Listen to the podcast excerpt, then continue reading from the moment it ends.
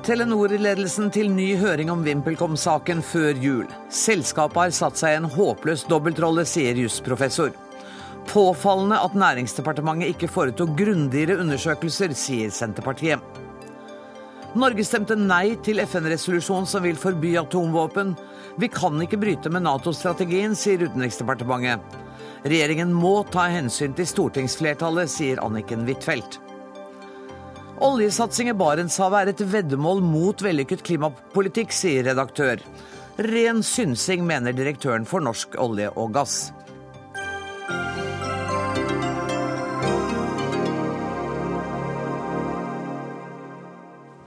Dette er noen av sakene i Dagsnytt 18 der vi også markerer at i morgen er hackernes internasjonale dag. Det kommer vi tilbake til mot slutten av sendinga, men først. I gårsdagens Dagsnytt 18 kunne Telenor-sjef Sigve Brekke fortelle at de selv setter i gang privat gransking av VimpelCom-saken. Det som ikke ble sagt da, var at minst seks Telenor-representanter, som er styremedlemmer i VimpelCom, ikke vil bli gransket. I tillegg kan den interne granskingsrapporten bli hemmeligholdt, det melder Klassekampen i dag. Beate Sjåfjell, du er professor ved juridisk fakultet ved Universitetet i Oslo. Vi har prøvd å liksom forstå hva det betyr at seks sentrale Telenor-representanter ikke kommer til å bli gransket. Hva er grunnen? Ja, så vidt jeg har forstått, så, så gjelder det disse lederne som har da, hatt styreverv i VimpelCom. Eh, og det er jo da et, eh, et, kunstig skille eh, som man her da ser ut til å ville operere med i denne granskningen, og som kommer for seint. For det, det valget, om man skulle ha et tydelig skille mellom Telenor-ledernes rolle i Telenor og forholdet til VimpelCom som selskap, det, det, det tok man da man valgte å la Telenor-ledere sitte i VimpelCom-styret. Det skjønner jeg, men er det ikke samtidig sånn at det finnes noen internasjonale eh, regler, amerikanske regler bl.a. for hvordan man foretar granskingen i et datterselskap eller et annet selskap? Mm, mm. Jo, og det, eh, Man kan jo ikke her forvente at Telenor skal granske VimpelCom. Nettopp. Men når Telenor skal granske hva som har skjedd i Telenor, så blir det eh, veldig kunstig å da forsøke å skille mellom hva Telenor-ledere har gjort i Telenor, og, og, den kunnskapen som de har fått med seg gjennom å, å sitte i VimpelCom, og, og hva, de har, eh, hva, de har, gjort i, i styret der. Men hva tror du er hensikten med en sånn intern gransking når den liksom ekskluderer alt som har skjedd av, fra Telenors side i VimpelCom. Jeg vet jo ikke hvordan man har tenkt når man har besluttet dette, og det kan jo være gode hensikter som ligger bak. Men det kan også føre til at man eh, avskjærer det som er eh, vanskelig. For, for hvis man eh, avgrenser mot det som har skjedd i VimpelCom-styret, og informasjon som dermed har kommet inn i Telenor, så, så, kan man jo da også først og fremst forholde seg til rutiner og, og mål i Telenor-systemet. Telenor kjøpte seg inn i VimpelCom i 1998, mm. da med 25% Nå sitter de på 33% og har vel 44% styrerepresentasjon, eller noe i den retning. Mm. Er det ikke påfallende lenge at man ikke har oppdaget at noe var gærent? Jo, selvfølgelig. Eh, og så snart det var snakk om å gå inn i et selskap som så skulle eh, investere i Usbekistan, så, så, visste man nok allerede på det tidspunktet til at man måtte ha satt i gang en veldig grundig forundersøkelse eh, før man gjorde dette her. Og så stilte det helt særegne krav til undersøkelser underveis og krav til, til dokumentasjon. For Usbekistan er et av verdens mest korrupte land. Og da har man to valg. Enten så lar man være å gå inn i landet i det hele tatt, eller så må man ha en helt ekstraordinær nøye oppfølging og dokumentasjon hele veien. Og det vet vi ikke om de har? Ut ifra det Baksås sjøl fortalte i høringen eh, i, i, januar i år, så, eh, så har jo han sjøl forklart at de ikke har hatt det. Han har sett det som sin eh, rolle ut fra det han sa sjøl, og ikke følge opp hva, hvordan administrasjonen i VimpelCom har gjennomført satsingen i Usbekistan. Men samtidig har han jo da i går eller i forgårs sagt at eh, han burde gitt kontroll- og konstitusjonskomiteen flere opplysninger. Mm, ja. Og de det vet vi ikke hva er? Nei, vi, vi, vet ikke hva det er. Og det, er jo, det, gir jo et veldig dårlig bilde av en konsernsjef i et, i et stort norskledet konsern at han har foretatt denne taushetsplikt-runddansen hvor han først sier at han ikke kan si noen ting for at han har taushetsplikt, så legger fra seg denne taushetsplikten, som også er helt juridisk uforståelig. Hvis man har en plikt, så kan man ikke bare sjøl velge å legge den fra seg.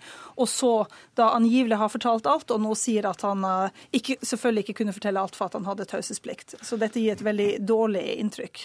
Du har også sagt at enkelte kan komme til å måtte stå strafferettslig ansvarlig i denne mm. saken. Hvem tenker du på? Jeg tenker på de eh, som, eh, som, har vært involvert i dette i Telenor-styrene opp gjennom årene, og, og i Telenor-ledelsen. Eh, det som først og fremst har vært mitt anliggende da, har vært å snakke om det selskapsrettslige ansvaret her. For her er det et styreansvar og et lederansvar for å sørge, for at dette blir gjort riktig. sånn at det kan også da bli erstatningsmessige konsekvenser av brudd på, på de selskapsrettslige reglene. Og nå er for så vidt også da brudd på aksjelovgivningen også straffbart. Men dette her kan vise seg å være så alvorlige forhold at det også eh, blir snakk om eh, medvirkning til korrupsjon, som er straffbart etter norsk rett, etter norsk straffelov. Hvordan stiller departementet seg i denne saken? Det, har det vært noe kritikkverdig der også? Eh, det er jo vanskelig å vite hva departementet har fått vite fra Telenor. Men enten så har jo da Telenor eh, lagt frem en veldig overbevisende forklaring eh, som, som, har gitt departementet grunn til å tro at dette her har blitt ordentlig fulgt opp. Eh, og Hvis det ikke er tilfellet, så, så, er det jo grunn til å, å, stille spørsmål med hvorfor departementet ikke reagerte for lenge siden. Fordi en aksjonær har også et ansvar for å, for å følge opp. Så når staten som majoritetsaksjonær i, i Telenor vet at Telenor gjennom VimpelCom skulle inn i Usbekistan, så var det allerede den gang da grunn til å stille kritiske spørsmål. Og fra januar så har vi i hvert fall hatt nok informasjon til at eh, det, det ville vært naturlig at departementet hadde reagert. Mm. Og det er du enig i, parlamentarisk leder i Senterpartiet, Marit Anderstad. Eh, du mener at Næringsdepartementet ikke har gjort grundige nok undersøkelser, hvis jeg forsto det riktig? Jeg stiller meg spørsmål ved om de har gjort grundige nok undersøkelser. Og det er litt vanskelig å vite, fordi en vet jo ikke hva departementet faktisk har gjort eller ikke gjort. Eh, men jeg stiller meg spørsmål ved om de har gjort tilstrekkelig. For en statsråd kan jo ikke bare være en formidlingssentral av rapporter fra selskapet og eventuelt over til Stortinget eller innad i departementet.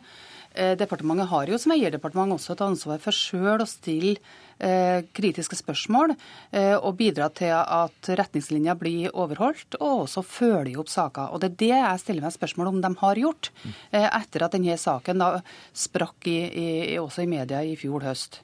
Og Det er også litt på bakgrunn av at komiteen, kontrollkomiteen i Stortinget hadde jo en behandling av det her i januar. og De konkluderte jo med at det ikke var mulig og komme til bunns i saken. Og når en kontrollkomité i Stortinget konkluderer med det, så tenker jeg at det i seg sjøl også gir departementet en grunn til å gå enda grundigere inn i saken som aksjonær og eier. Og det er det jeg stiller meg spørsmål. Har de gjort det, eller har de ikke gjort det? Men hvordan er det der? For, altså når, for det er jo helt åpenbart at både kontrollkomiteens leder og nestleder var ikke fornøyde med de svar, alle de svarene de fikk, verken fra styreleder eller fra administrerende direktør. Når, når da komiteen konkluderer som den gjør, står da departementet fritt til holdt på å si, på egen kjøl å ta nye samtaler med direktør og styreleder, eller hvordan er det? Altså Helt fritt står de jo ikke, fordi Telenor er jo et børsnotert selskap, og staten jo en, eier jo en viss andel av selskapet. Men også i børsnoterte selskap så har eieraksjonærer, store aksjonærer, en dialog med selskapet. Eh, og jeg syns jo det er naturlig at staten har hatt det også i dette tilfellet, fordi det er jo et faktum at staten har fått, altså Stortinget fikk her feil informasjon. Både fra selskapet og fra statsråden. Og så vil nok statsråden helt med rette si at den feilinformasjonen fra statsråden var pga. at informasjonen fra selskapet var feil. Men derav har også statsråden ekstra grunn til å gå i dybden på saken. Gunnar Gundersen, du er andre nestleder i næringskomiteen der du representerer eh, Høyre. Er du enig i den analysen Arnstad ga? Nei, det er ikke. altså For å ta litt bakgrunnen her. Det var Geir Pollestad, leder i næringskomiteen, som var ute med kritikk. Og det er andre gang Geir Pollestad uttaler seg med kritikk uten å ha nødvendig informasjon. Det reagerer jeg veldig sterkt på. Er det noe man kan si med helt sikkerhet her, så er det vel at Telenor er ikke de som kommer til å definere hvem som skal granskes og hvem som ikke skal granskes her. Kan ikke jeg bare føre oppmerksom kom... at Geir Pollestad ikke er her fordi han hadde ikke anledning til å komme inn? Nei, at vi har men, folk er, lurer på hvorfor du kritiserer ham når han ikke er her. Men det er riktig, for det, som Arnstad også Vi sitter ikke ikke alene som aksjonær i Telenor. Eh, statens eierskapsprinsipper, første eh, punkt der er at aksjonærene skal likebehandles med hensyn til informasjon. Og Vi skrev en eierskapsmelding i fjor høst hvor eh, statsråden var uhyre klar på bl.a. det med antikorrupsjon. Altså Hun, hun satte klare krav til selskapene i forhold til samfunnsansvar. Det var fire tematiske områder, deriblant antikorrupsjon. Og, og, og, det er klart at man har eierskapssamtaler og den type ting, men her er det også en balansegang mellom hva alle aksjonærer må vite, og hva staten kan gi av signaler. Eh, jeg mener næringsministeren har vært så uhyre klar som det går an å være på at antikorrupsjon ligger høyt. Så det tror jeg ikke det er diskusjon om her. Jeg tror spørsmålet her var mer uh, hva kunne statsråden ha gjort noe mer? Ikke at hun er mot korrupsjon, det Nei, tror jeg alle vet. Det var dit jeg skulle komme. Okay, for, det, for, da ble det sagt den gang da, den gang man gikk inn i Usbekistan. Ja. Det var altså under andre statsråder enn den som sitter i dag. Da burde man allerede ha stilt spørsmål, sånn jeg forsto uh, med eksperten her. Sånn at det, Da må man i tilfelle peke mot å innkalle en rekke statsråder til eh, samtaler her. Ja, det kan man gjøre. Har man gjort det ansvaret vi har? For det er, det er, veldig bred enighet på Stortinget om at eh, korrupsjon og antikorrupsjonsarbeidet er noe av det viktigste Norge kan gjøre i utviklingsarbeid. Altså Korrupsjon, når det brer seg, så er det ødeleggende på alle strukturer i samfunnet. Vi, det skjønner ja. vi. Eh, og, men nå, og Det er helt riktig at det er snakk om mange statsråder, men nå er det denne statsråden og det som har skjedd ja, siden januar. Og jeg, og, altså, poenget er at næringskomiteen, som Pollestad leder, har, vi har ingen informasjon. Vi har, vi har, ikke sett brevet. Det, nå ligger saken i kontroll og konstitusjon. Ja, og jeg er helt overbevist om at kontroll og konstitusjon kommer til å følge opp også statsrådens handlinger. Men jeg syns det er ganske billig å komme med den type eh, kritikk i Dagens Næringsliv når man ikke har nødvendig informasjon. Men jeg syns ikke det er billig. Det er helt nødvendig å komme med den type eh, kritiske merknader. Og Pollestad har jo ikke konkludert med at departementet ikke gjorde noe. Han har stilt seg spørsmålet har departementet gjort nok. Og det spørsmålet må det være absolutt være mulig å stille i en sånn situasjon. Jeg er helt enig i at vi har, har behandla en stortingsmelding eh, om eierskaps, en eierskapsmelding der det var eh, nulltoleranse nulltoleranse for korrupsjon. Men det er klart at som eier så må også staten da følge opp at de retningslinjene som ligger i eierskapsmeldinga blir fulgt opp. Og det er det vi stiller spørsmål om. Vi har hatt et par tilfeller tidligere. Som, som, har vært saker i lignende den her. Bl.a. Libya og Horten-saken. Mm. Da var det også under etterforskning både av Økokrim og også av amerikanske børsmyndigheter. Da ble det iverksatt en omfattende granskning i de selskapene det angikk, straks det ble oppdaga. Hvorfor skjedde ikke det? Eh, for også en tid tilbake. Og har departementet tatt opp det også med selskapet? Det mener jeg er betimelige spørsmål. Ja, men her, her, ble vi ferdig med behandlingen av eierskapsmeldingen i februar. Jeg vet at statsråden har hatt dette høyt oppe på alle samtaler med, med selskapene. Men, men, vi sitter altså i en sak hvor Telenor har valgt å tilbakeholde informasjon fra Stortingets kontroll- og konstitusjonskomité. Tror man da at, at det selskapet kommer til den største eier og sier at dette her må dere få vite, uten at noen andre skal få vite det? Altså, det Spørsmålet var vel noen... du, vi har hatt en kontrollhøring ja, der et flertall i Stortinget konkluderer med at det ikke er mulig å komme til bunns i de her anklagene. Og da er spørsmålet også om departementet i de ni månedene som har gått etterpå, har gjort tilstrekkelig ja, for å prøve å avdekke det som Stortingets kontrollkomité ikke klarte. Og det er helt overbevist om at man kommer til å finne ut av. Sjåfør, hva var det du ba om ordet til nå? Jeg vet ikke riktig hva det var. Jo, um, jeg vil jo selvfølgelig overhodet ikke gå inn i den politiske Nei. debatten her, og jeg ser ikke så veldig stor forskjell på, på partiene heller når det gjelder hvordan de har har håndtert eierskapsmeldinger på, på, på, dette generelle planet. Men jeg ser én likhet her, og det er denne erklæringen om nulltoleranse mot korrupsjon. Mm. Altså Det kan man erklære som storting, og man kan erklære det som eh, konsernet Telenor. Men det endrer eh, ingenting hvis man ikke følger det opp med, med eh, klare rutiner og krav. Og så er det selvfølgelig veldig stor forskjell på hva en aksjonær kan gjøre, og hva en leder i et konsern kan gjøre. Men, men, det er et generelt problem når det gjelder denne store statlige aksjonæren vi har, at, at man tror at det holder med å gi uttrykk for, for, forventninger. Og det gjør det ikke. Jeg må bare helt til slutt fortelle at vi har selvfølgelig invitert Telenors ledelse til å delta. De hadde ikke anledning til å stille. Tusen takk skal dere ha, Beate Sjåfjell, Gunnar Gundersen og Marit Arnstad.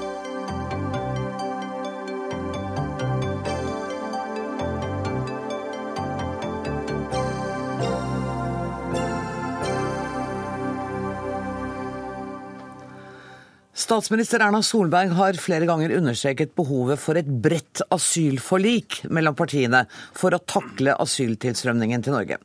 Spørsmålet nå er om Fremskrittspartiet etter sitt gruppemøte i ettermiddag er like opptatt av å få med opposisjonen på et felles vedtak. Hvordan konkluderer du, eh, politisk kommentator her i NRK, Magnus Takam? Altså, det viktigste for Fremskrittspartiet er ikke overraskende å få så mange som mulig med på så stramme innstrammingsforslag som mulig. Så det de konkluderte med i 17-tiden i ettermiddag, var nettopp det. De vil samordne seg litt med Høyre og eh, gjennomgå den listen av innstrammingsforslag og utredningsforslag osv. som lå i denne tilleggsmeldingen som kom til Stortinget. Gjøre de mer forpliktende og eh, eh raskere mulig å gjennomføre. Og så forhandle, som sagt, da med med Stortinget om eh, å få mest mulig gjennomslag for det. Men i denne tilleggsmeldingen, eh, tilleggsnummeret som ja. det heter, eh, den har jo allerede vakt opposisjon, ikke sant? Jeg mener, Kristelig Folkeparti var ikke fornøyd, Arbeiderpartiet var ikke helt fornøyd. Mm. Men Jonas Gahr Støre har sagt at la oss nå legge dette til side og være, prøve å komme fram til et forlik. Han sa i Aktuelt forleden at han var overrasket over at det ikke hadde vært nærmet seg Arbeiderpartiet allerede i konkrete samtaler. Når kan det skje nå, da? Eh, nei, det vil skje i løpet av relativt kort tid. Eh, reaksjonene, bare for å, å eh, liksom smette inn det her, ja. Eh, når det gjaldt den tilleggsmeldingen, var først og fremst de, eh, den måten de dekket inn de ekstra asylkostnadene på ved å skjære eller omprioritere så mye i bistandsbudsjettet. Eh, sånn at i skal vi si, verbalt så er jeg nokså sikker på at alle partier, eh, kanskje bortsett fra SV, vi får se, vil gå noe i innstrammende retning. Så er da spørsmålet om partiene er villige til å gå eh, langt nok til at man får eh, både de fire samarbeidspartiene, Arbeiderpartiet, Senterpartiet, med.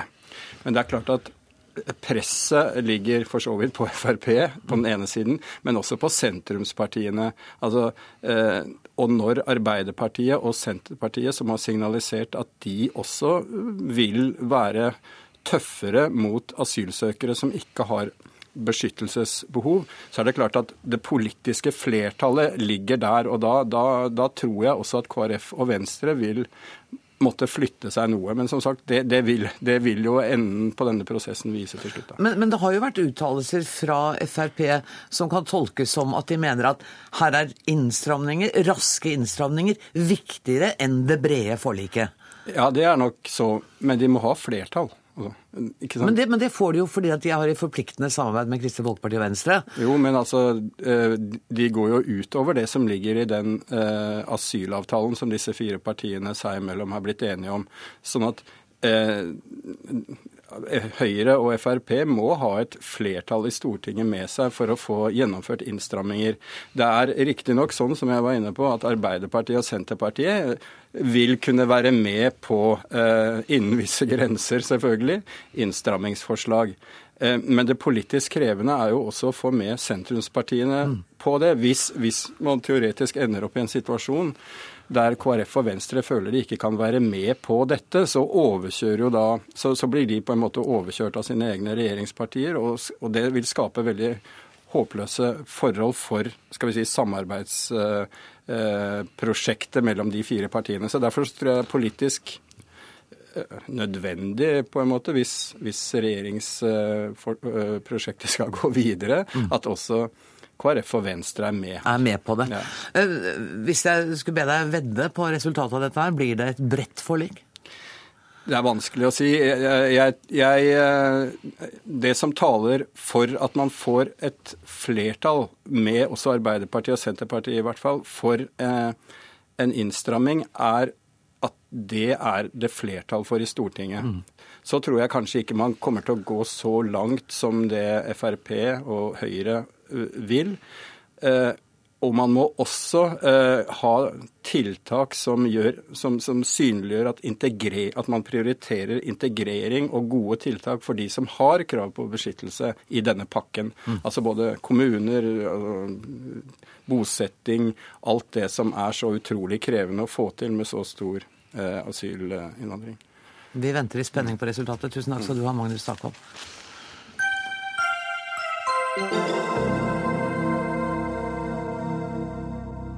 Norsk olje- og klimapolitikk henger ikke på greip.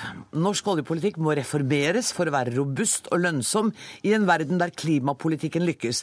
Da er en storsatsing på oljeboring i Barentshavet et veddemål mot en vellykket klimapolitikk. Det er du som sier dette, Anders Bjartnes, du er redaktør i Norsk Klimastiftelse og forfatter, og lanserer boka 'Det grønne skiftet stans Norges veddemål mot klimapolitikken'. I Aftenposten uh, skriver du at Norge står i fare for å gjøre massive feilinvesteringer. Ja, det gjør jeg. Og det gjør jeg på bakgrunn av at eh, vi ser en stadig økende oppmerksomhet rundt karbonrisiko, eh, klimarisiko. Altså at det, det, ikke trengs så mye altså skal, Satt på spissen, skal klimapolitikken lykkes, så trenger vi mye mindre kull, olje og gass om 15-20-30 år enn det som kalles business as usual-forventningen tilsier. Og det er denne, stre denne streken som peker oppover, eh, som bygger på evig vekst, nærmest. Det er den jeg mener at er et veddemål med klimapolitikken. Ja, men, og samtidig så sier du, så vidt jeg, hvis jeg leser deg riktig, at man skal ikke skru igjen oljekranen i dag. Altså, må, Det er um, bærekraftig klimapolitikk å opprettholde noe av gass- og oljeproduksjonen, mens du mener at det er galskap å leite etter ny olje i ja, Barentshavet? ja, det er en, en, en godt oppsummert, egentlig. For, for, fordi jeg tenker at det å skru av Ekofisk mm -hmm det er, gir ingen mening. Det er okay. mer enn nok olje i verden til at det ville bli replassert lett. Og det å la være å bygge ut Johan Sverdrup også, mener jeg vil være feil. Fordi at det er et oljefelt der oljen er så billig at det vil være rom for den i, i også veldig stramme karbonbudsjetter.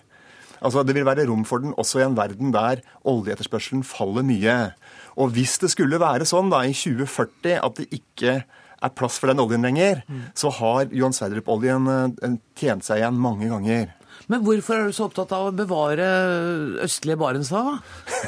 Nei, det har ikke så mye med det å gjøre, egentlig. Jeg tenker at den...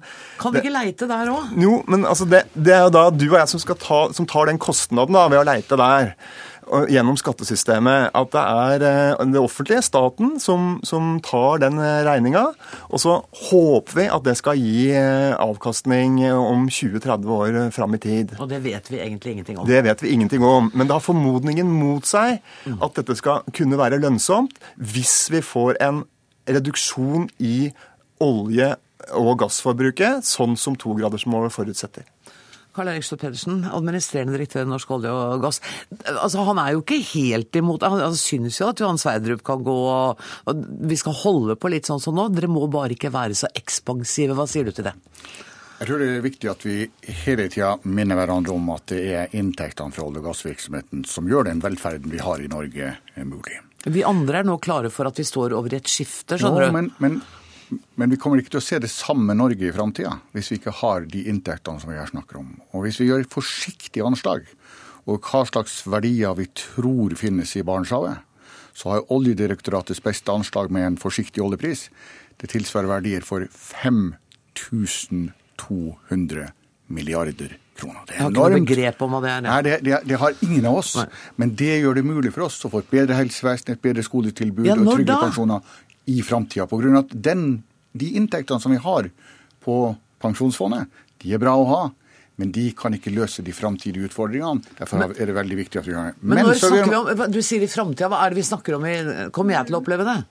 Ja, det gjør du. Det er viktig. Det, det, det, dette kommer til å være helt avgjørende for hvordan norsk økonomi skal være videre framover.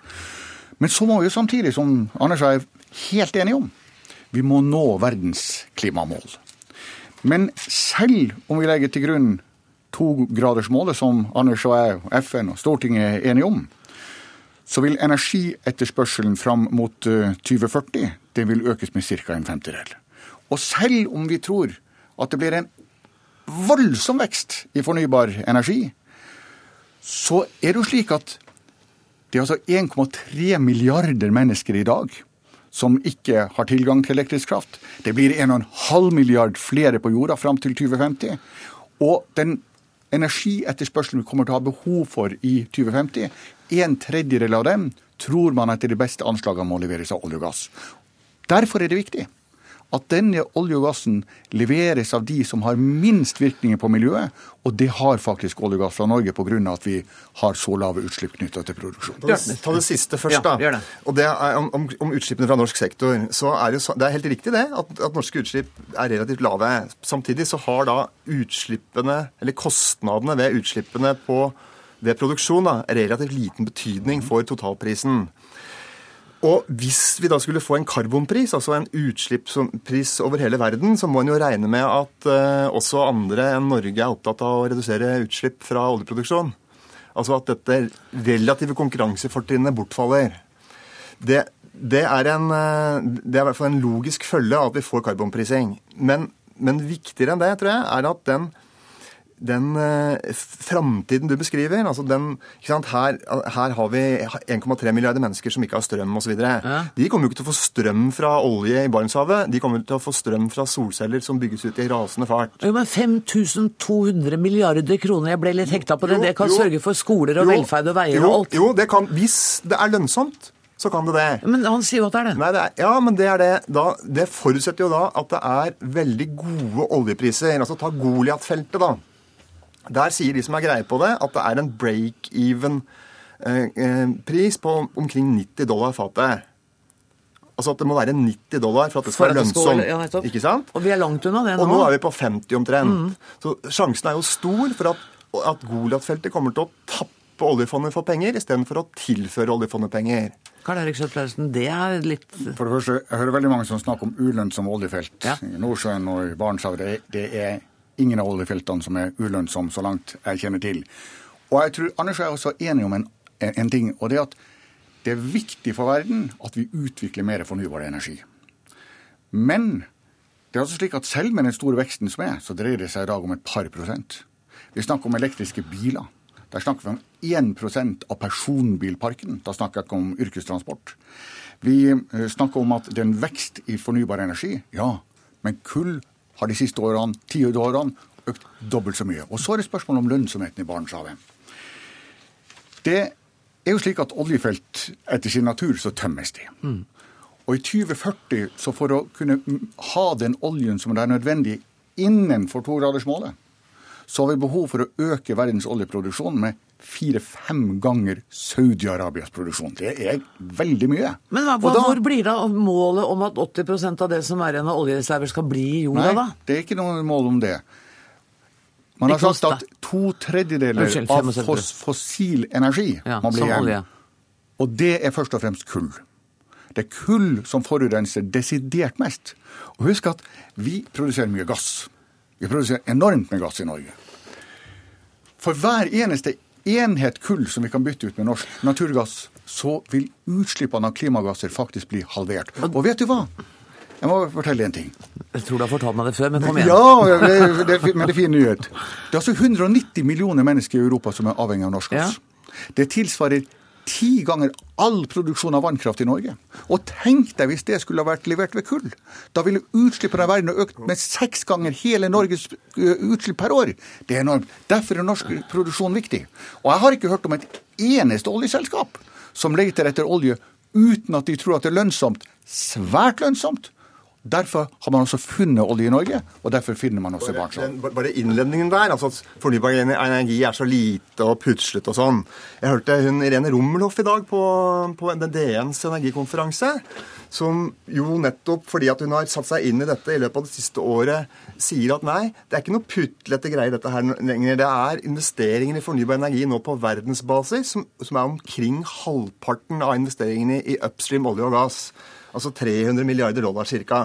Den fortellingen om at dette er bare noe sånn småtteri, den må dere legge vekk, fordi at det, det er ikke riktig. Og så kan vi ikke være enige om at også olje er fossilt brennstoff, bare sånn at vi ikke tror at det bare er kull, ikke sant? Og, så har du gassen, da. Det er klart, du, det er riktig det at gass, hvis kraftproduksjon gir, gir, halvparten så mye utslipp som, eh, som kull, men fornybar energi jo, tar jo bort alle utslippene. Sånn at det å sende fornybar energi til Europa istedenfor gass har jo mye større klimaeffekt. Men dere kan ikke, Jeg er nødt til å avrunde. Men kan vi ikke... Vi må bare rydde opp så folk ikke får en total misforståelse. For poenget er jo at selv med vekst, selv med en enorm vekst i fornybar energi, så vil en tredjedel av verdens energibehov i 2050 baseres på olje og gass. Mm. Det er best for verdens klima at vi leverer gass istedenfor kull. Mm. Og så skal vi lete etter gode, store, lønnsomme prosjekter i nord. Og da kan vi få del i disse 5200 milliardene, og så kan vi ha et enda bedre samfunn. Og de kommer til å være her før 2040. Skal vi ha en avtale at vi møtes her i 2040? Ja, det er bra. Ja, kjempebra. Tusen takk for at dere kom, Anders Bjartnes og Karl Erik Takk skal du ha.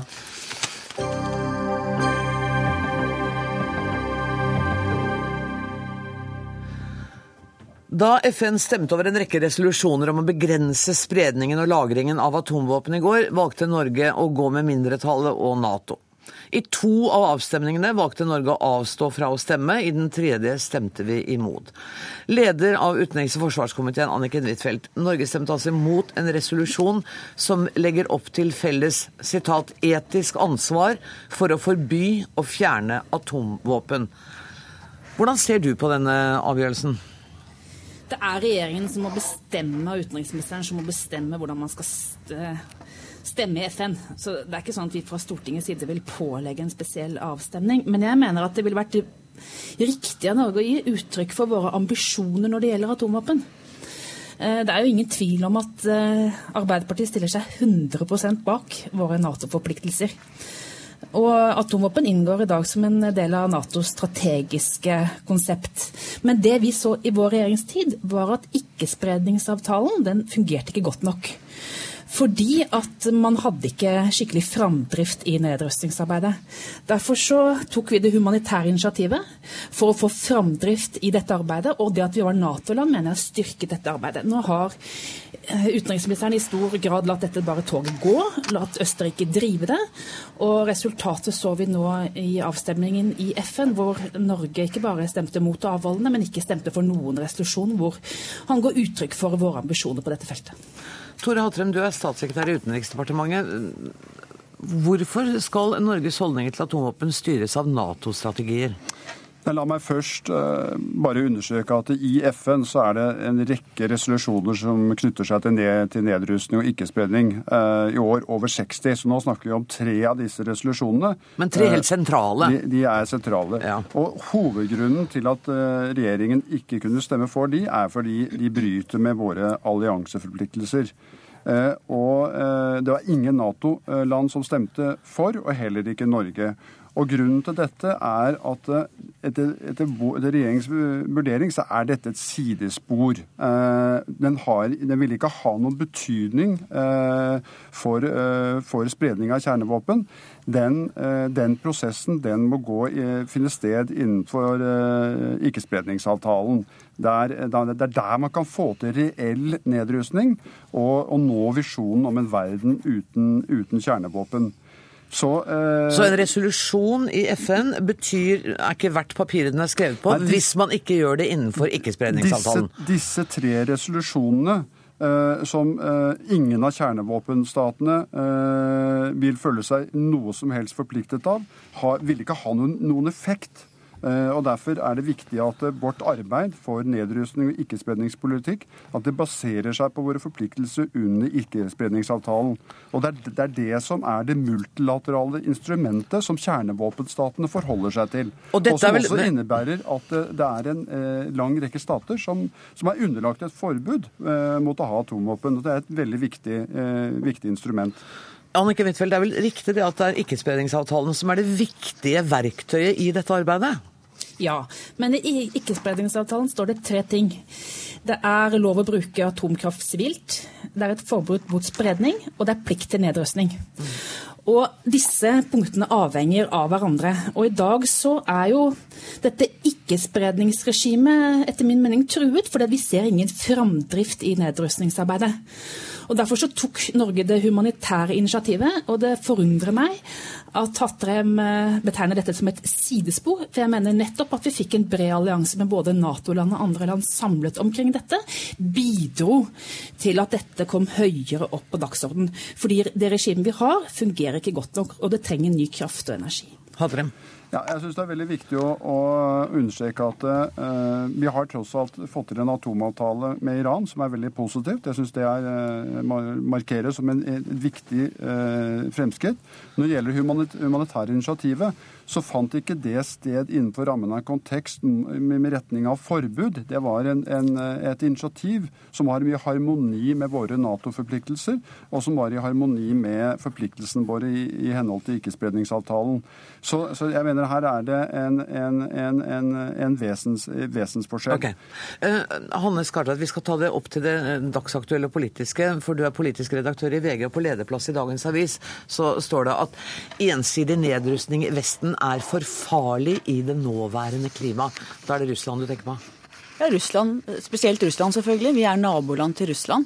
Eh, jeg syns det er veldig overraskende at Arbeiderpartiet går ut så tydelig mot regjeringens utenrikspolitikk i dette veldig følsomme spørsmålet, og mener at Norge som eneste Nato-land skal stemme for en resolusjon, eh, disse resolusjonene i FN.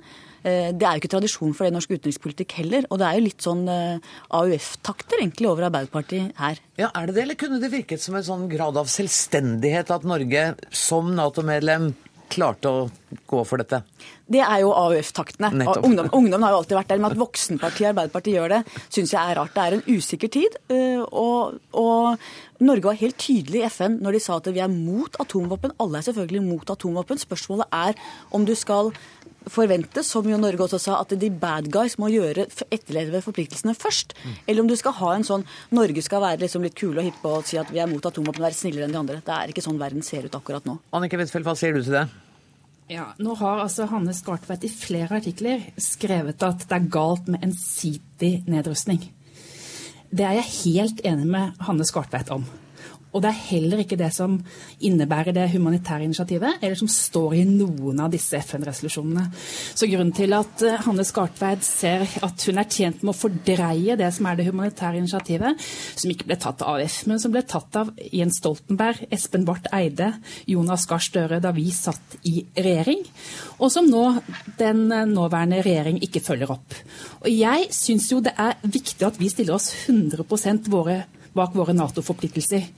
Og, og, det er helt klart at atomvåpen inngår som en del av eh, Natos avskrekning.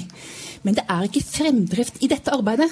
Og det å sette dette opp på dagsorden, det å få avtaler med flere land, det handler ikke om AUF-takter, kjære Hannes Kartveit. Der har både du og jeg vært. Men dette handler om et veldig seriøst arbeid for nedrustning. Nå er jo saken også den at det, var, at det har blitt endring i teksten, og at enkelte i hvert fall opplever at dette har blitt mer kuppa av andre krefter enn det det opprinnelig var. Og det må jo si sitt når ingen andre Nato-land heller stemte for disse resolusjonene. Da syns jeg det er oppsiktsvekkende at Anniken Huitfeldt og Arbeiderpartiet mener at Norge som eneste land skal bryte ut av det i den situasjonen vi nå er i. Det Men det var 124 land som stemte for dem? Ja, det er mange land i verden. Ja, det er det. Og vi kunne jo kanskje vært et av dem. fordi det er vel kanskje ikke alltid nok å si at man er mot atomvåpen. Kanskje må man gjøre noe en gang imellom? Ja, Nå har jo ikke vi noen atomvåpen her i Norge vi kan ruste ned, sånn at det blir jo Nei. da vifte med et sånt symbolsk flagg. Ja, men du, men du har lansert uttrykket 'atomvåpen for fred'. Det er ganske spesielt.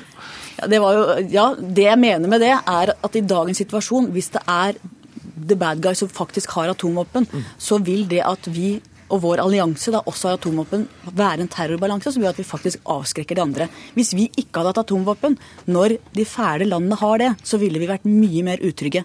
Derfor, når de først fins, og de først er i farlige land, så må vi ha det for å kunne beskytte oss. Det er du enig i, Anniken Kedefeld? Det er slik at Nato har bruk av atomvåpen som en del av sitt strategiske konsept. Og det er ingen handlet Skartveit som har tatt til orde for ensidig nedrustning fra Nato-landenes side. Nå må du slutte å si det, for det vet du veldig godt er feil. Men det som vi mener er viktig, er at eh, det er klart at det er regjeringen som bestemmer hva man skal stemme i FN. Men man kunne jobbet mer systematisk sammen med andre land, også Nato-land, for å få på plass en resolusjon som ble bredere. Nå har man i stor grad bare latt toget gå, latt Østerrike drive det. Og det er altså en konservativ utenriksminister i Østerrike som står bak dette.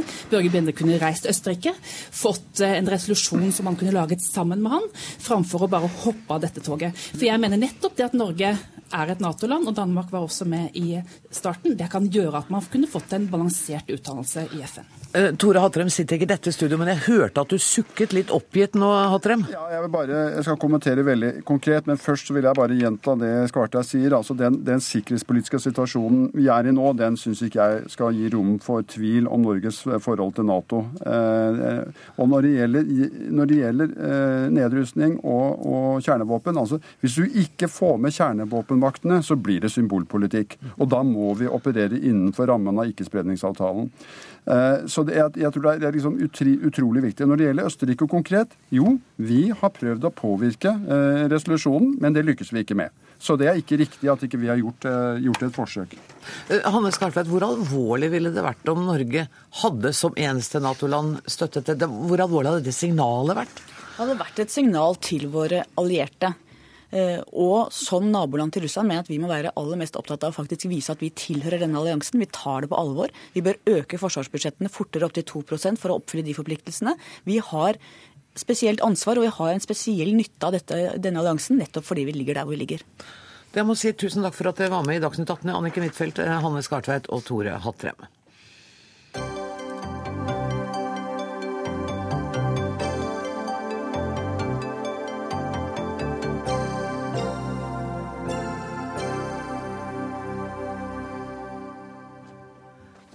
Høst ble alle kommunale barnehager i Oslo pålagt å kartlegge språkferdighetene til alle barn. Men på tirsdag gikk den nye barnehagebyråden Tone Tellevik Dahl ut i Dagsavisen og fortalte at forslaget kommer til å bli lagt bort. Nå skal barnehagene selv avgjøre hvilke barn som trenger kartlegging, og hvilke verktøy som så skal brukes. Tone Tellevik Dahl, Dahl du er barnehagebyråd altså. Hvorfor gjør dere dette? Så Målet for oss det er at alle barn som har gått i barnehage, skal kunne godt nok norsk når de begynner på skolen. Det er helt avgjørende for at de skal kunne fullføre et fullt eh, skoleløp. Så er det også slik at alle barn skal observeres, og de skal vurderes for kartlegging. Det ligger i rammeplanen, det ligger fortsatt fast. Så er det ganske viktig at vi bruker ressursene riktig. Vi må bruke ressursene på de som trenger kartlegging, fordi der det skorter i dag, det er nemlig oppfølgingen av de barna som får kartlagt uh, ulike språkvansker. Der er Oslo altfor dårlig i dag. Derfor må vi passe på å sette av nok ressurser til å følge opp barna som får avdekket ulike behov. Og Så det er et innsparingstiltak? Nei, her er det snakk om å komme i mål med, med, med, våre ambisjoner, nemlig at alle barna skal kunne norsk før de begynner på skolen.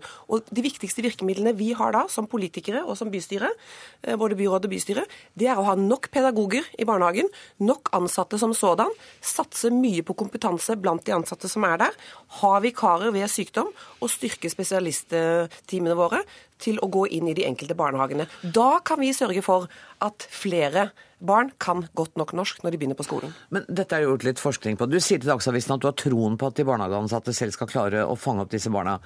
Men forskning fra Universitetet i Bergen viser jeg må bare lese her, at språktiltak som blir satt inn fra første klasse, har 80% effekt.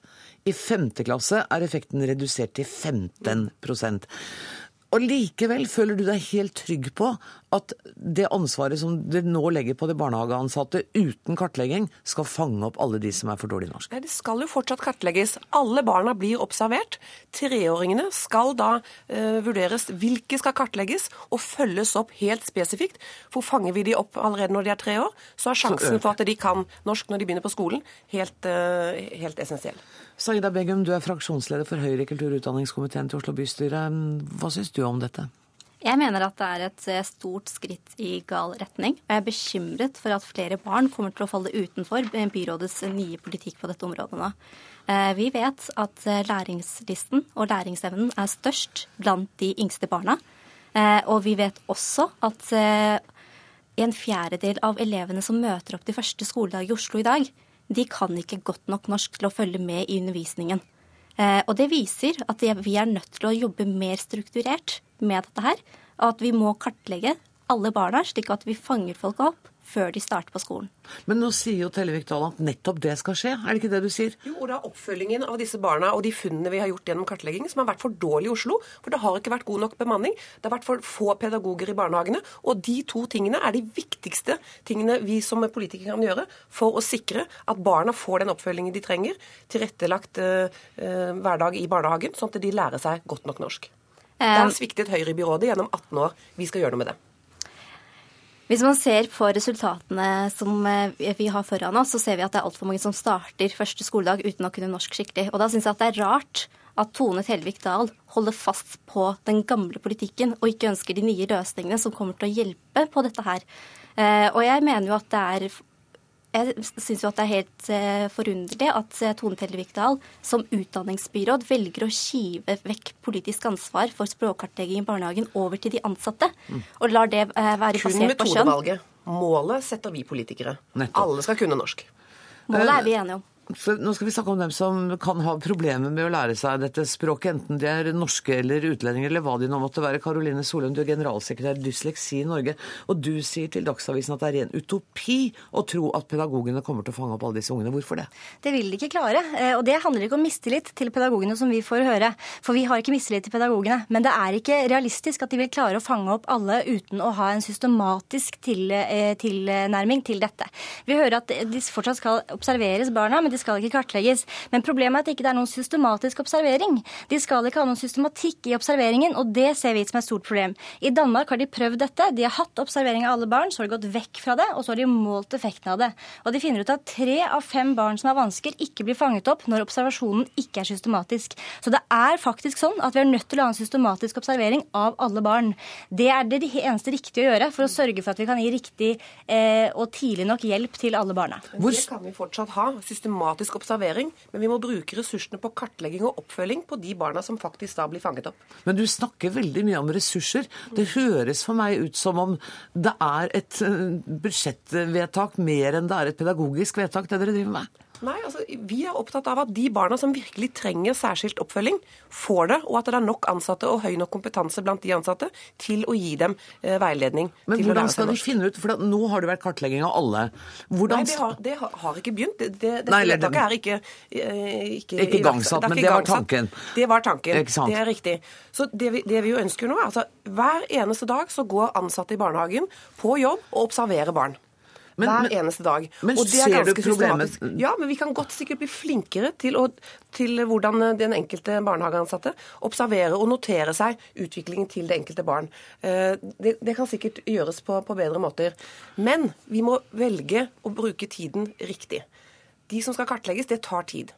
Og Da må vi uh, ha gode nok eh, rutiner rundt observasjon som fanger opp de barna som trenger en ekstra sjekk, nemlig en kartlegging, for å se om det er spesielle behov som skal uh, Eh, skal bedres på. Men Karoline Solheim, nå spør jeg sikkert som en idiot, men hvor tidlig kan man oppdage eh, lese-skrivevansker, altså dysleksi? Dysleksi kan utredes fra andre klasse, men tegnene på dysleksi de er der her helt fra de begynner å prate. Men så har du også barn med, som har spesifikke språkvansker, som også er en del av det vi jobber med, og det kan utredes allerede i barnehagen. Men jeg har lyst til å si noe om systematisk eh, observering. For du sier at det kan vi sikkert gjøre. Men det er jo ikke systematisk observering når man sier at det er opp til den enkelte pedagog å velge når man skal eh, observere og hvordan man skal følge opp videre. Hele poenget er at vi trenger en systematisk observering som sørger for at alle barna får hjelp uavhengig av nivået til den enkelte pedagog. Og jeg tror det er ganske fjernt å se for seg at alle pedagoger har så høy kompetanse at de klarer å se alle de barna som har spesifikke språkvansker, alle de som vil utvikle dysleksi, alle de dobbelt eksepsjonelle barna, alle barna med minoritetsspråk som også har spesifikke vansker. Dette er ganske komplisert. Og jeg tror ikke vi kan anta at alle pedagogene klarer det uten systematikk. Sveina Begum. Jeg mener at byrådet ikke ser helt utfordringen i denne saken her. fordi det handler egentlig ikke om eh, pedagogenes skjønn. Det handler om de svakeste barna her. Eh, det handler om at eh, hvis ikke vi fanger opp disse barna i tide, eh, så er det stor sannsynlighet for at de ikke vil klare hele skoleløpet. Eh, og det må man ha med seg i denne debatten her. Og så ser man også at det er mange andre kommuner som allerede har satt i gang dette arbeidet med gode resultater. Mm. Tellevik Dahl, føler du deg trygg på at dere kommer til å fange opp, om ikke absolutt men altså at de aller, aller fleste kommer til å få hjelp? Med nok ansatte, med flere pedagoger i barnehagen og med styrket eh, spesialkompetanse på de pedagogiske fagsentrene, så tror jeg faktisk at vi kan klare det. Og så må vi huske på det at eh, vi som politikere vi går ikke inn og bestemmer hvilken medisin den enkelte lege skal gi til sin pasient. Men vi gir et rammeverk. Vi gir godkjente medisiner. Vi gir anbefalinger på denne medisinen virker på disse symptomene. Og det er her også valgfriheten eh, til dette byrådet kommer inn. Vi legger fram en pakke med gode kartleggingsverktøy. TRAS som jeg nevnt som et som et ord som nesten ingen forstår hva er. Nei, jeg strøk det da jeg så det. Ja, det er ingen som forstår hva det er. Men poenget er at vi skal, vi skal synliggjøre at her er det ulike kartleggingsverktøy som er gode, som man har forsket på, som viser, som viser gode resultater.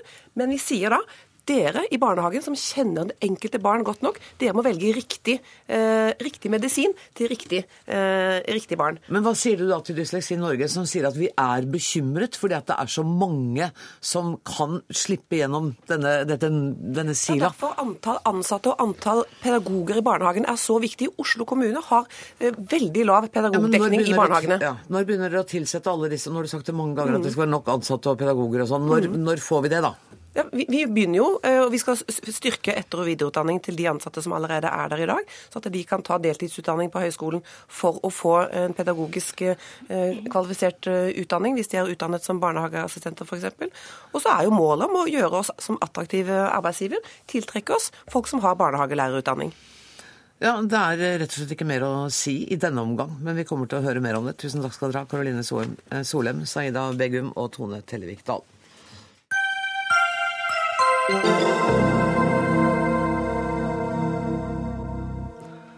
Anonymous er verdens mest kjente hackergruppe og har tidligere stått bak angrep på bl.a. Scientologikirken. I morgen er det hackernes internasjonale dag, og Anonymous varsler et massivt angrep for å feire.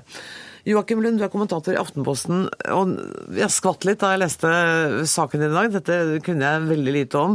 Men du kaller Anonymous for en gjeng med lavpannede, kviste guttunger som gir blaffen. For de har varslet at de skal feire denne hackerdagen med å trekke hettene av 1000 Ku Klux Klan-medlemmer. Hvor mye har Ku Klux Klan å frykte her? Nei, De har sikkert mye å, mye å frykte, de. Eh, men det som har skjedd, er jo da at det fremstår som, eh, som en gjeng eh, guttunger i underbuksa, sånn i lyset fra skjermen, for det er så innmari dårlig koordinert. Sånn at i dagene før 5.11 så har det kommet masse avsløringer av Ku Klux Klan-medlemmer som eh, ikke er Ku Klux Klan-medlemmer. Og det hele ser veldig sånn rart ut da fra utsiden. Ja, Du nevner to eksempler som er helt sånn eklatante. Det er klart at De menneskene har ikke vært medlem av Ku Klux Klan. Hvordan, hvordan, kan sånne feil begås? Den ene er en homofil svart mann. Den andre er en kvinne som har jobbet med menneskerettigheter i alle år. Hvordan, hvordan kan Anonymous begå sånne feil? Det som er problemet med Anonymous, er at det er eh, egentlig ikke én ting. Eh, det er en slags organisasjon, men eh, det er ikke noe opptakskrav. Det er ikke noen medlemslister. De har ikke en filosofi. Det er ikke et politisk manifest her. Så hvem som helst kan gå inn og si at de er Anonymous, og mm. da, er de, da, er de, også det. Mm. Sånn og du kaller det lunsjing? Ja, det Står det ikke 'heier du på lynsjing'? Var det ikke det som var Ja, ja, ja? Det, er, det, blir jo på en måte det, da. Eh, og sånn dypest sett en veldig, veldig sånn antidemokratisk eh, bevegelse. Ja, også fordi at de bruker jo masker, de også? Det gjør de også, men de angriper jo da liksom menneskerettigheter som religionsfrihet og ytringsfrihet og verdier som vi setter veldig høyt da i demokratiske land. Du kommer i hvert fall ikke til å heie på det med morgen. Aslak Borgersrud, kommentator i Dagsavisen og tidligere IT-journalist. Heier du på Anonymous i morgen? Eh, jeg eh, lurer litt på om jeg gjør det. Mm. Eh, altså, eh, det som er, er at for det første så oppfatter jeg at de lekkasjene som har kommet eh, til nå, eller de avsløringene eh, i gåsehudene som har kommet nå, eh, jeg oppfatter at det er avvist som på en måte faktiske lekkasjer fra avsløringa. Jeg oppfatter at her er det etter alt å dømme, sånn det ser ut for meg, er det noen som har prøvd å lure verden, på en måte, da, og prøvd å late som om de er. Eh, og dermed så har det skapt denne, denne litt sånn rare situasjonen hvor folk som, som åpenbart ikke er KKK, er blitt tenkt ut som KKK. Ja, Og jeg, fått livene sine ødelagt. Eh, ja, kanskje, men, men, jeg mener det er litt vanskelig å skylde Anonymous for det. da. Okay. Eh, jeg, eh, jeg venter veldig spenning da, på i morgen å se hva de kommer med. Jeg mener at det er mange gode grunner til å avsløre KKK-medlemmer hvis det for det første er veldokumentert og korrekt, og for det andre er folk som på en måte det er saklig å avsløre. Altså Hvis det er folk i høyestående politiske posisjoner i USA for eksempel, som er KKK, og noen greier å dokumentere at det, at det å offentliggjøre det og, og ta hettene på de, så mener jeg det er helt riktig direkte uavhengig av, at, av om, om, om, de som avslører det, sitter i underbuksa eller ikke. Altså, jeg synes Flere av mine beste venner sitter i underbuksa iblant. Også det. men du er da sikkert enig i det? Altså Hvis det er høyesterettsdommere som er medlem av KKK, så er det klart at det er greit at de blir avslørt? Ja, men det er, det er, noen veldig store problemer med den uh, retorikken. Uh, og det er jo Akkurat nå er det Altså, ingen heier på KKK, eller i hvert fall veldig, veldig få gjør det. Jeg gjør det i hvert fall ikke. Men eh, derfor så blir det en veldig De skårer et billig poeng, da, ikke sant. Fordi alle hater KKK, mm. så elsker alle Anonymous fordi de angriper dem. Eh, men for noen år siden angrep Scientologikirken f.eks. Eh, jeg er ikke noe veldig fan av Scientologikirken heller. Men da angriper de plutselig religionsfrihet. De sa rett ut at de vil eh, ødelegge muligheten Scientologikirken har til å kommunisere med omverdenen, spre budskapet sitt, sånne ting. De går løs på ytringsfriheten, samtidig som de fremholder ytringsfriheten som en veldig viktig verdi for For dem? Ja. ja, altså, jeg, jeg, altså, den scientologisaken er jo på en måte en annen sak. Da. Jeg oppfatter at, eh, at, det som er spesielt med den, er at scientologikirka i mange år har angrepet sine motstandere på en veldig brutal måte. Da. Og at eh, det var, og det, det var, en måte som var veldig vanskelig å møte med åpne kort. Mm. For veldig mange av deres kritikere som var åpne, ble veldig hardt behandla. Men det får nå være en, en, en, annen sak, kanskje. Nei, Men, det er jo ikke helt en annen sak. for det, det snakker vi ikke her om skal ytringsfriheten ha grenser, eller skal den ikke? Anonymous mener altså at ytringsfriheten til scientologikirken skal begrenses? Nei, det, det, det syns jeg blir søkt igjen. Altså, okay. Det jeg oppfatter, er at uh, Anonymous er en, en, protestbevegelse. på en måte. Og det er ikke en organisasjon. Dermed så kan du på en måte sammenligne det heller med en demonstrasjon. Da. Et demonstrasjonstog. Det er en masse folk som går i noenlunde samme retning. ikke sant? I forskjellige typer saker. Ja. Og uh, så får man jo se om uh, i forskjellige saker så Noen saker har de kanskje rett, på en måte, eller jeg vil være enig med dem, og andre saker vil jeg kanskje være uenig med dem. Men jeg, men jeg oppfatter jo at, at bevegelsen som sådan har i all hovedsak gode mål. Så er spørsmålet gjør, bruker de midler som er bra. Og, og, og eh, jeg tenker at øh, er, man skal ikke he Altså, De driver med avsløringer, da. Mm. Og vi journalister vi er veldig glad i at journalister driver med avsløring på journalistmåten. ikke sant? Og nå gjør de det på en annen måte enn det journalister pleier. Og, og, og da er det kanskje vanskelig å ettergå. Det har noen sånne vanskelige sider. Men likevel så, så, kjenner jeg at eh, vi må se hva de kommer med før vi økser det. altså. Ja, men det har jo da Joakim Lund gjort. Og du er jo ikke sur på dem fordi de ikke bruker dine arbeidsmetoder. Er det det? Nei, nei absolutt ikke. Og, men ytringsfriheten har jo grenser. Trusler f.eks. er jo da ikke tillatt, og det driver faktisk eh, Ku Klux-klanen med. Mm. Og da finnes det demokratiske, fine måter å behandle det problemet på. Vi trenger ikke at en horde med hackere eh, går løs på dem eh, på internett. Men det er vel litt sånn at uansett hva du sier, så vil Anonymous eksistere, og det vil være en horde med hackere der ute som kommer til å jobbe med dette? Ja, du, du, kan ikke arrestere en ideologi. Nei, det sier Anonymous, i likhet med eh, en del ekstreme islamistiske organisasjoner. Det er det, det, er det samme tankegodset, mm. basically. Ja, og jeg, altså jeg syns det ble utrolig interessant, fordi at da jeg begynte å lese artikkelen der, tenkte jeg sitter mannen og forsvarer KKK. Det gjør du altså ikke, men du forsvarer, nei, du forsvarer ytringsfriheten og er kritisk til måten de bruker denne på. Det må jo være lov, Borge? Jeg, jeg, er ikke enig i at uh, det er et angrep på ytringsfriheten å avsløre KKK-medlem. Altså, hvis, hvis uh, en, en, nyhetsorganisasjon hadde gjort det, så ville alle applaudert det i utgangspunktet. Hvis det ble gjort på en fornuftig måte, og hvis det var uh, rimelige folk som ble, som ble avslørt. Så, så, og, og, hvis de gjør det, og det er veldokumentert, så mener jeg at da er det jo ingenting da, da, da er det jo bra. Men det er liksom, hvis det er bra, så er det bra. Organisasjonen vil jo da ikke stenge nettsidene eller overta Det vil den ikke. Men jeg vil stenge denne radiosida. Eh, det var fint å snakke med dere, Joakim Lund og Aslak Borgersrud. Før dere går, så skal jeg bare fortelle dere at det var Ida Tune Ørritsland som var ansvarlig for denne sendinga i dag. Det tekniske ansvaret har Finn Lie. Jeg heter Anne Grosvold og håper at vi høres her i morgen. Takk for nå.